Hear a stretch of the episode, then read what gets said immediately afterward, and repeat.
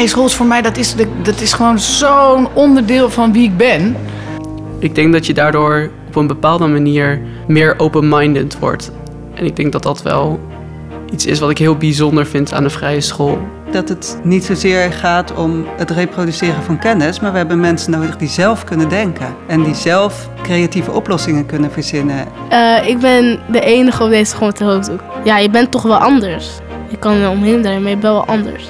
Dat is een van mijn uh, pijnpunten als ik naar de vrije school kijk. Dat het toch een geïsoleerd fenomeen blijft. Het, het feit is dat vrije scholen op heel veel vlakken niet divers zijn. Dat er heel veel segregatie is. Dat er vooral witte leerlingen op vrije scholen zitten. Welkom bij de podcast van het lectoraat Waarden en Waarden van het Vrije Schoolonderwijs. Ik ben Wouter Modderkolk, leraar economie op de Stichtse Vrije School in Zeist. Daarnaast doe ik promotieonderzoek naar leiderschap binnen het vrije schoolonderwijs. Ik ben Janja Pubeek en ik ben onderzoeker binnen het lectoraat. En daarnaast maak ik veel podcasts over ontwikkelingen binnen het onderwijs. In deze podcastserie gaan wij op onderzoek naar het vraagstuk rondom inclusie en diversiteit binnen het vrije schoolonderwijs. Het vraagstuk over inclusie en diversiteit komt vanuit het vrije schoolonderwijs zelf, maar het is een breder maatschappelijk vraagstuk. In deze serie kijken Wouter en Jan Jaap door de bril van het vrije schoolonderwijs naar dit vraagstuk.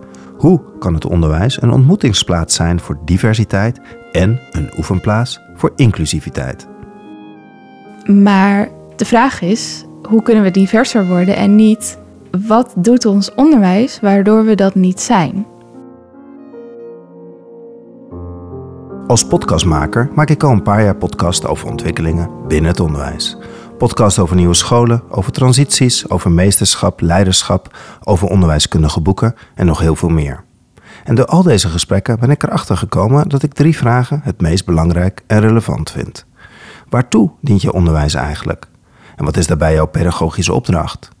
En als dat dan jouw opdracht is, wat heb je dan te doen? Hoe geef je daar dan invulling aan?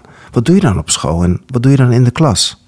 De reden dat ik deze serie ben begonnen is omdat het vrije schoolonderwijs me intrigeert op deze drie vragen. Het vrije schoolonderwijs heeft een duidelijke waartoe, voorzien van een duidelijke pedagogische opdracht. En tegelijkertijd zie ik ook een gesloten of een besloten gemeenschap in de uitvoering van dit onderwijs. Ik zie een soort bubbel. En dit prikkelt mijn nieuwsgierigheid. Want wat is nou precies die pedagogische opdracht van het vrije schoolonderwijs? Wat is het nou? En wat doen ze dan eigenlijk? En hoe komt het dat vrije scholen zo populair zijn? Op veel scholen is er sprake van een wachtlijst. Hoe komt dat?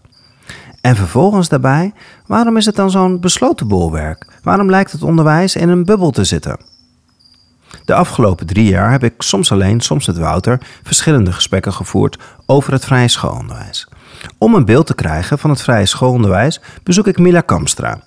Mila is leerkracht op de nieuwe school Waldorf van der Werf in Amsterdam-Noord. Wat ik krachtig vind aan een vrije school is dat de dingen die je leert, en juist de belangrijke, basale dingen die je op alle scholen leert, vanuit verschillende hoeken belicht wordt. Dus dat je niet alleen leert vanuit tekst of gesproken tekst of beeld, maar dat je vooral vanuit die kunstzinnige vakken de stof jezelf eigen kan maken. Een school waar alle kinderen een plek krijgen om herkend te mogen worden en ook erkend in wie ze zijn. Ja, misschien wat ze hebben meegemaakt of wat ze mee gaan maken en hoe je dat kind handvatten kan geven om daarmee om te kunnen gaan. En dat in de loop van de jaren dat je hier op school zit, het steeds duidelijker wordt voor jezelf, voor je ouders en voor de leerkracht. Ja, wat we jou kunnen bieden om die plek voor jou uh, vertrouwd te maken. En het is denk ik ook voor alle vrije scholen de taak, maar ook de wens om datgene eruit te halen wat er al zit. Zoals Mila in dit fragment al aangeeft, gaat het vrije schoolonderwijs uit dat ieder kind met een eigen potentieel aan mogelijkheden op de wereld komt. Het onderwijs heeft dan als taak het kind te begeleiden bij het ontdekken en ontwikkelen van dit potentieel. Er wordt wel gezegd: worden wie je bent. Door onderwijservaringen kan wat in aanleg in het kind aanwezig is aan talenten, persoonlijke wensen en behoeften, geleidelijk omgevormd worden tot dat wat wenselijk is voor het kind zelf en voor de mensheid als geheel. En dat laatste is zo wezenlijk. Het gaat er dus niet alleen om wat er in het kind zit, het gaat er dus ook om hoe het kind zich verhoudt tot de mensen en de wereld om hem heen.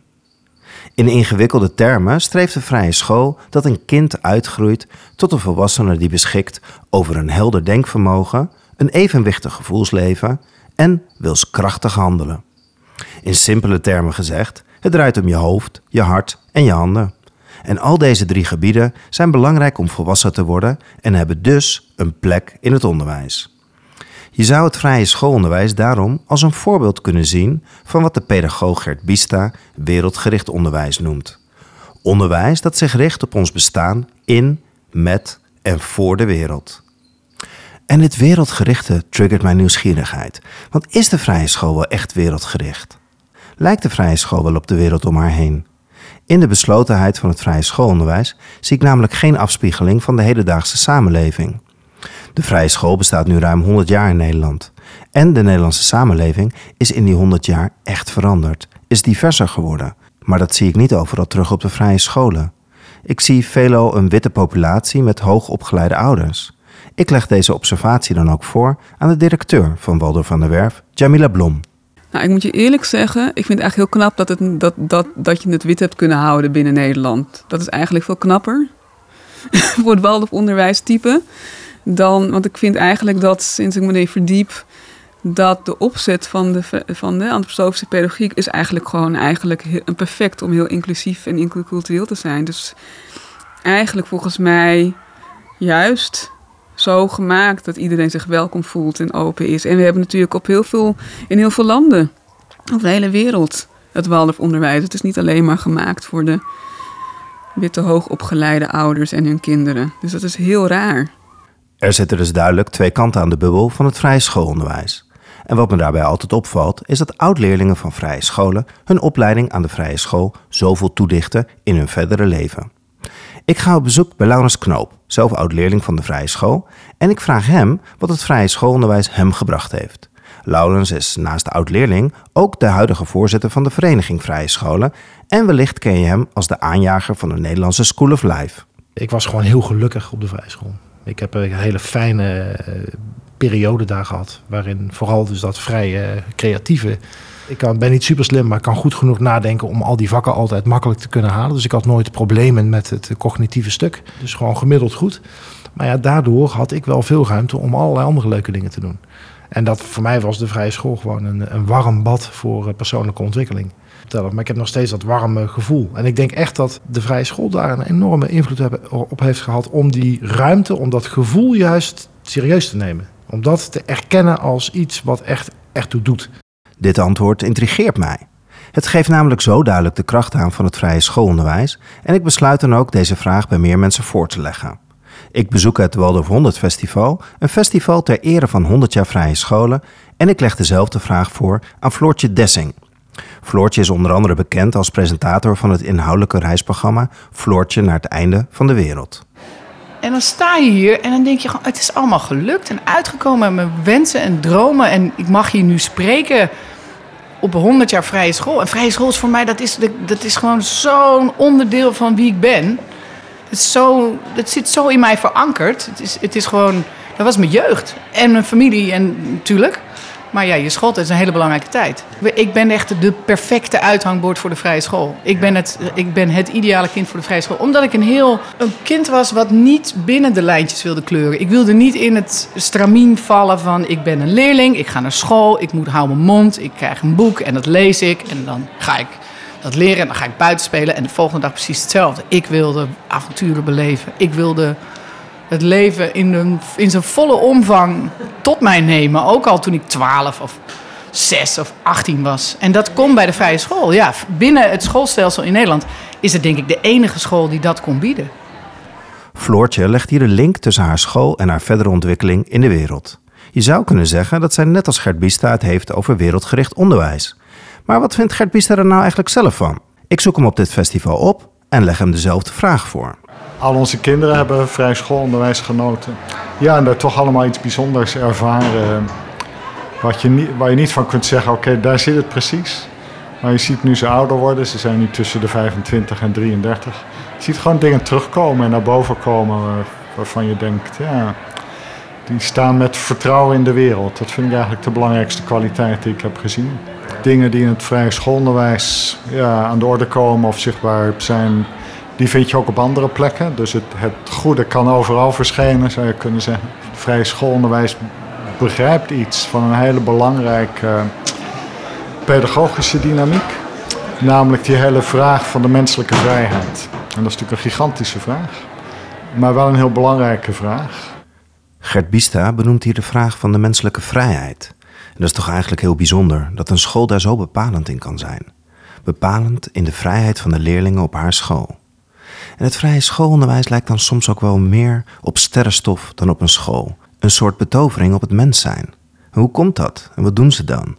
En strooien ze wel evenveel sterrenstof over iedereen uit? En deze vragen staan centraal in deze eerste aflevering van deze podcastserie. De verbinding tussen de school en het volwassen worden is niet op elk schooltype een vanzelfsprekendheid. Het is dan ook niet voor niets dat vrije scholen wereldwijd groeien en bloeien. En ik denk dat hierin het vrije schoolonderwijs echt een voorbeeld kan zijn voor andere scholen. Ik ben deze podcastserie dan ook mede begonnen omdat ik denk dat het brede onderwijsveld veel kan leren van de pedagogische opdracht binnen vrije scholen en hoe zij daar in de praktijk mee omgaan. Want hoe kijken ze eigenlijk naar spel? Überhaupt het belang van vrij spelen en kinderen de ruimte geven voor een eigen ontwikkeling. Hoe kijken ze naar kunst, naar de kracht van verbeeldingskracht en hoe ze vanuit vertrouwen de groei tot volwassenheid begeleiden. En allemaal gericht om het alles aan elkaar te verbinden met het kind om hem eigenstandig in de wereld te zetten. De huidige tijdsgeest kenmerkt zich door prestatie, effectieve leeropbrengsten, vroegtijdige selectie en de enorme administratieve druk op leerkrachten. En ik vind het dan ook heel inspirerend als leerkrachten in het onderwijs vanuit een pedagogische visie en opdracht hier invulling aan geven. Er zit echter wel iets duaals wat ik ontmoet op vrije scholen en dan vooral in de gemeenschap daaromheen. Tegenover deze mooie pedagogische kant van het onderwijs zie ik ook iets anders.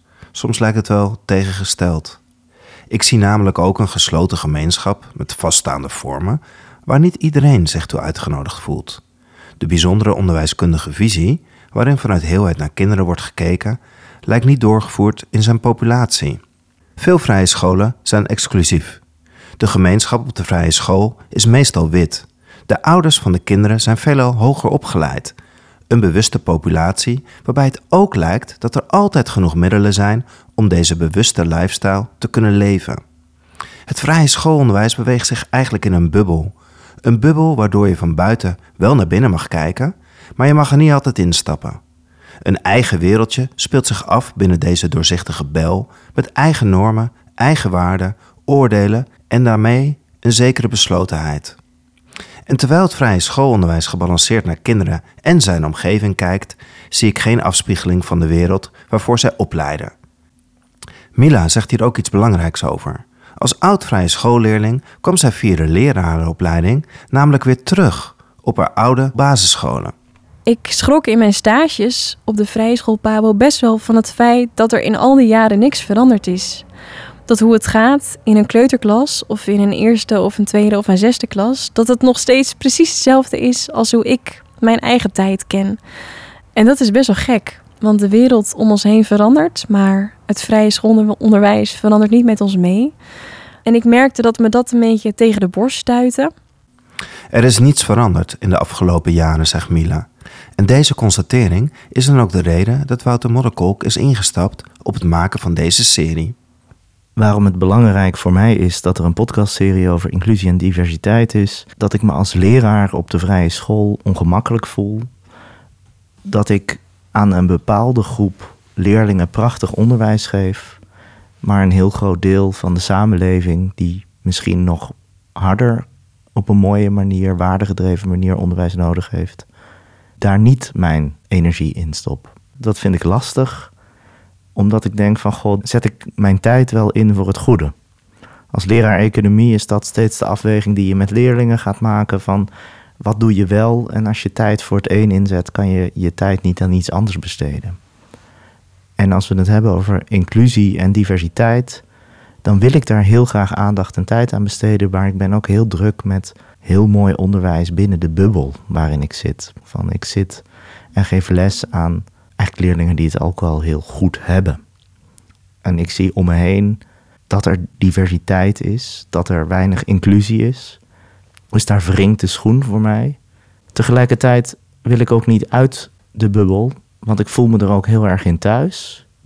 Maar ik zou de bubbel graag groter willen maken. Ik zou heel graag het breder willen hebben dat we met elkaar elkaar mogen ontmoeten. En dat mis ik binnen het vrije schoolonderwijs. Dus dat is voor mij de eerste persoonlijke aanleiding waarom deze podcast.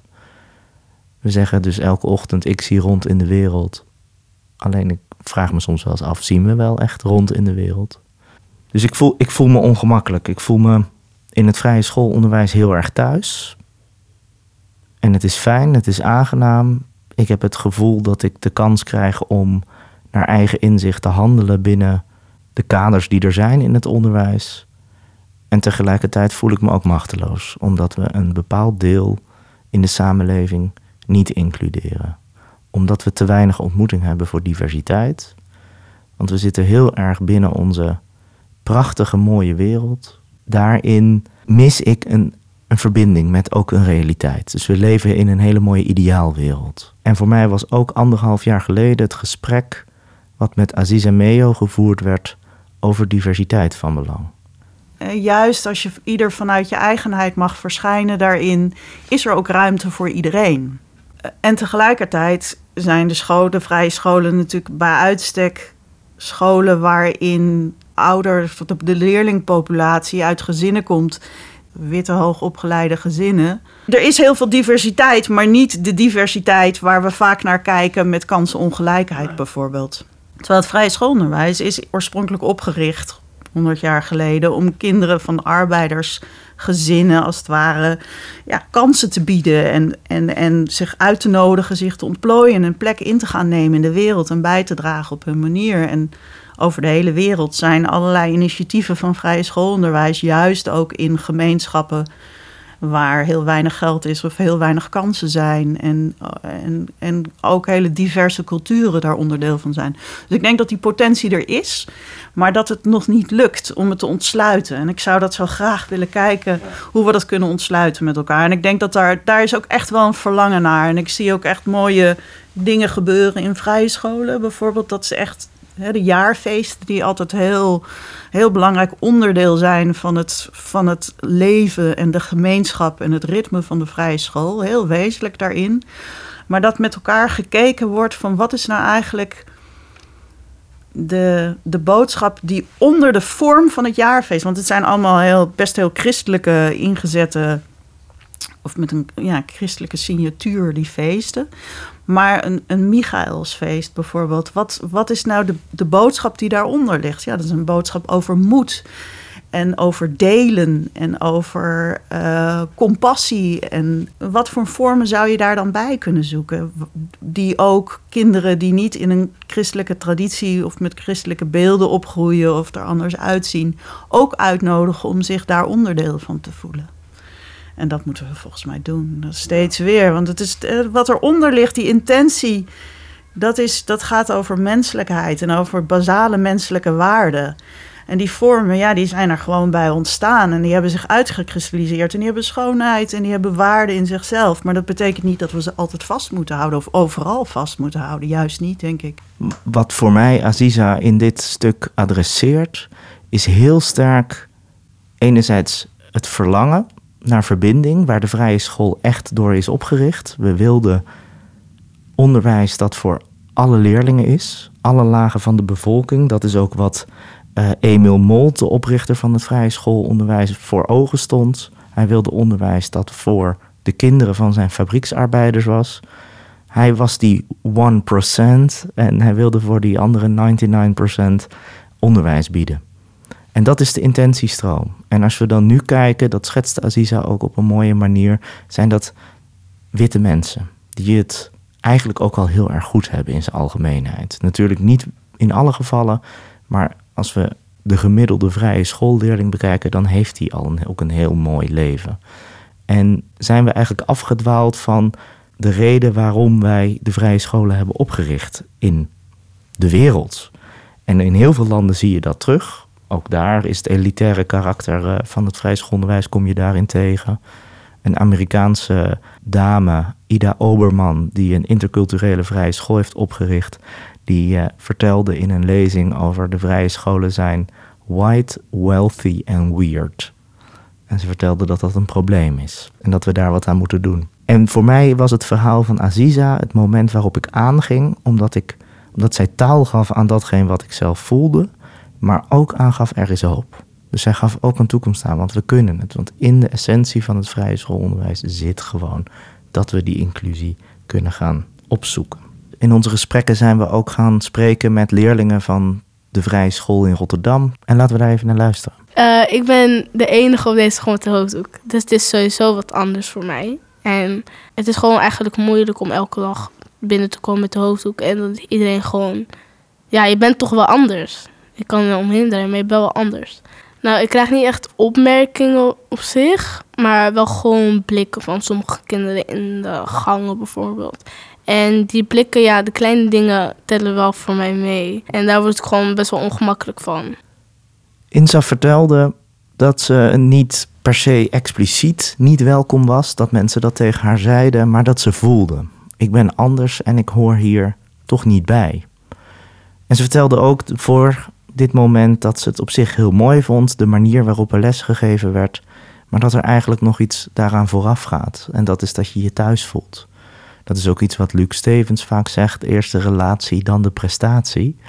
Dus je kunt pas leren als je je ook op een fijne manier verbonden weet met een plek. En dat is wat, wat Insaf niet voelt. Uh, zij voelt zich niet thuis in de school. En even later vertelde ze ook dat ze niet per se vriendinnen zou aanraden om naar deze school te gaan als zij net als haar een hoofddoek droegen. En toen zij dat vertelde, toen gebeurde er ook iets in mij dat er een soort van kramp in me kwam. Dat ik dacht, shit, ik zie dit ook niet. Dus het is ook bij mij een onwetendheid. Want mijn visie eerst ook was van, nou ja, als we nou de marketing anders doen, uh, dus het beter uitleggen, dat gekke taalgebruik binnen de vrije school, dat, dat spreekt misschien niet alle uh, mensen aan en van andere afkomsten. Um, dus als we dat doen, dan wordt het, wordt het wel beter. Maar dat maakte dit moment wel duidelijk dat dat echt niet het geval is. En dat deed wel even pijn om dat te horen. En iemand anders die daar ook over sprak, dat was Karen. Zij is een collega van mij, docent aardrijkskunde op de Stichtse Vrije School. En zij maakte ook weer duidelijk en bevestigde eigenlijk datgene wat Insaf zei. Het uitnodigen van leerlingen van kleur zomaar, eh, zonder dat wij onszelf hebben veranderd als school, dat kan niet. Ja, je kunt niet van donkere leraren, leerlingen en ook trouwens donkere leraren verwachten dat de school daarmee inclusiever wordt. Wij moeten namelijk ook onze eigen houding en onszelf veranderen. Dat is, dat is niet alleen maar door het uitnodigen van mensen van kleur. Dat is niet genoeg. Ja, Karen zegt dat is niet genoeg. En dat is dan de vraag, wat moeten we dan doen? Want we hoorden in het voorbeeld van Insaf dat zij zich nagekeken voelde. En daarmee voelde zij zich niet onderdeel van het geheel. En de vraag die bij mij opkwam is: hoe kunnen we voor alle leerlingen een fijne plek bieden waar je je thuis voelt, waar je niet het gevoel hebt dat je nagekeken wordt omdat je een hoofddoekje draagt of een keppeltje of andere kleren dan op dat moment gangbaar is. En voor mij is dat het startpunt geweest van deze zoektocht om te kijken wat kunnen we nou doen als vrije scholen om alle leerlingen uit te nodigen om zichzelf te zijn, zichzelf te worden en zich thuis te voelen. Wouter kijkt van binnenuit naar het vrije schoolonderwijs en ik kijk er vanaf de buitenkant naar. Beide perspectieven kunnen elkaar versterken. En nu is het vraagstuk over inclusie en diversiteit een maatschappelijk vraagstuk, dus kunnen wij ook vanuit andere sectoren hier hulp bij zoeken. En ik ga dan ook op bezoek bij Sanie Selic. Sanie is lector diversiteit en inclusie aan de Hogeschool Leiden en ik bevraag haar perspectief op dit maatschappelijk vraagstuk. Ik zie dat uh, als je kijkt naar jaren 90 en nu is er natuurlijk in de samenleving veel veranderd. De arbeidsmarkt is veel veranderd, ook in de samenstelling demografisch. Uh, je ziet dat organisaties die dicht tegen de samenleving staan, of dat nou een publieke of een private organisatie is, die dus klanten, burgers, inwoners moet gaan bedienen. Daar zie je enorm de urgentie van we moeten hier iets mee. Hè. Dat zien we ook in het hoger onderwijs, dat zien we ook in het primair onderwijs. We moeten iets met dit vraagstuk, want we hebben ja, onze klanten, cliënten, studenten zijn divers, dus we moeten daarmee aan de slag. Zie je wel dat daar steeds meer werk van gemaakt wordt, dus de aandacht daarvoor groeit. Dat wil nog niet zeggen dat uh, organisaties de ambities die ze hebben allemaal gerealiseerd hebben. Maar je ziet wel veel meer beleid, aanpak, eh, om daar stappen in te zetten. Hoe kan het dat het vrije schoolonderwijs, waar zo zorgvuldig en holistisch naar kinderen en de wereld waarin we leven wordt gekeken, de onderwijsgemeenschap van leraren, leerlingen en ouders geen afspiegeling vormt van de wereld waarvoor zij opleiden? Hoe kan die populatie zo wit zijn gebleven? En hoe kan het dat een deel van de maatschappelijke ontwikkelingen van de afgelopen 100 jaar op een afstand aan de vrije school voorbij lijken te zijn gegaan? Is dit bewust of is het onbewust? Er staan vrije scholen in stadse gemengde wijken, maar die samenstelling van de wijk zie je niet weerspiegeld binnen de school. In de vroege ochtend komen van heinde en verre ouders hun kinderen brengen naar deze scholen. Een gezamenlijke bron en gezamenlijke uitgangspunten leveren natuurlijk ook een sterke gemeenschap op. Natuurlijk verbroedert dat en ontstaat er een beschermende laag om deze gemeenschap heen. De maatschappelijke opinie kan ook deze bubbel versterken. Het vrije schoolonderwijs en het gedachtegoed van Rudolf Steiner liggen maatschappelijk ook vaak onder een vergrootglas. In je pedagogische studie heb je het vaak over eigenheid, persoonsvorming, moet letten en dat iemand uh, zijn eigen keuzes kan maken. Dus dat, dat is wel een beetje, te, weet je, de vrije school is ook heel erg in opkomst. Um, dat is doodeng, hè, de vrije school. Vind je dat? Dus echt, zit jou, heb je iets met de vrije school? Nee, nee, nee, absoluut. Nee, nee, oh, heel zo sectarisch. Ja? Ken je de vrije school? Ja, ik ken de vrije school. Ik Ja. had mensen bij VI werken. Je luistert naar een stukje van het tv-programma Vandaag in Site, waar Johan Derksen samen met Eus Aikio de dagelijkse actualiteit doorneemt. Die kinderen zaten op de vrije school. En ik bel een keer, Rob Collet was een fotograaf. En ik moest hem hebben, want die moest er volgende dag ergens naartoe. Dus ik bel met Barbara Collet. Ik zeg, met Johan Derksen, is, eh, is je vader thuis? En toen hoor ik haar roepen... Zeg Rob, ik heb hier een zekere Johan Huppel de Pup. Nou, toen wat lach je eruit, of niet? Hè? Op staande voet, die oude Ja, dat lijkt mij ook, ja. Ga jij je kinderen eens opvoeden? Maar dat heeft toch niks met de vrije Ja, te maken? totaal niet. Maar- Die, die, Dat zijn niet anders. Die kinderen die waren heel vreemd omdat ze op de vrije school zaten. Leg even uit wat de vrije school is. Het is toch gewoon Ja, maar je had- je had ook Een kind van de gewone school heeft nog nooit de Pup. Ja. Die zegt die gozer met die snor. Je had ook kunnen zeggen, ze vaccineren hun kinderen niet. En ze hebben zo'n eh rassenleer op school. En ze doen een eurythmie. En van alles jij dat ze Johan Derksen niet kennen. Jij eh, Nou, dat is niet, niet kennen, dat is niet zo erg, maar... Huppel de Pup. Ze noemen hun vader op. Nee, ze hebben... ze hebben- het is, het is niet helemaal van deze tijd, toch? Het vrije schoolonderwijs wordt in de media vaak weggezet als karikatuur en woorden als discriminatie of rassenleer worden nog wel eens toegedicht. En ik neem daar dan ook gelijk afstand van. Uit vele onderzoeken blijkt dat het niet het geval is. Een systematische uitsluiting van bevolkingsgroepen is niet aan de orde. Dat staat als een paal boven water. Überhaupt heeft het vrije schoolonderwijs een imagoprobleem. Niet alle ouders weten wat het onderwijs voorstaat en dan de naam vrije school helpt hierin ook niet mee. Veel ouders, met name ouders van een andere culturele achtergrond of nationaliteit, denken dat het een school is waar de kinderen vrij zijn. Vrij om te doen wat ze zelf willen. En dit is uiteraard niet waar. Het vrije stamt nog uit de tijd dat de vrije scholen gesticht werden in Nederland en dat deze vrij waren van staatsbemoeienis. En om misverstanden of verkeerde aannames of conclusies te voorkomen, gebruiken dan ook veel nieuwe vrije scholen de naam Waldorfonderwijs. Maar goed, meer toegankelijk worden zit hem niet alleen in de naamgeving. Dat zit natuurlijk vooral in de vormgeving. Maar de vraag is wel of de vrije school eigenlijk wel divers kan zijn. Is zij toegankelijk voor kinderen met een andere achtergrond? Voor een ander historisch of cultureel perspectief? Of is het vrije schoolonderwijs alleen toegankelijk voor hen die passen bij de wereld waarin zij vroeger ontstaan is? Wat mij bij het bekijken van deze vragen verwondert, is dat als je kijkt naar de pedagogische opdracht van het vrije schoolonderwijs, waarin vanuit heelheid naar het kind en zijn omgeving gekeken wordt, zij juist zou moeten uitnodigen voor diversiteit. Eigenlijk zou het helemaal geen vraag hoeven zijn en zou de populatie op de scholen divers moeten zijn. De vrije school zou een oefenplaats moeten zijn voor verschillen, voor verschillende stemmen, verschillende perspectieven, verschillende gedachten en verschillende verhalen. En in deze podcastserie onderzoeken Wouter en ik daarom de vraag: hoe zorgen we ervoor dat het vrije schoolonderwijs een ontmoetingsplaats vormt voor diversiteit en een oefenplaats is voor inclusiviteit? De volgende aflevering van deze serie gaan Wouter Modderkolk en ik op zoek naar de kracht van de vrije schoolpedagogiek.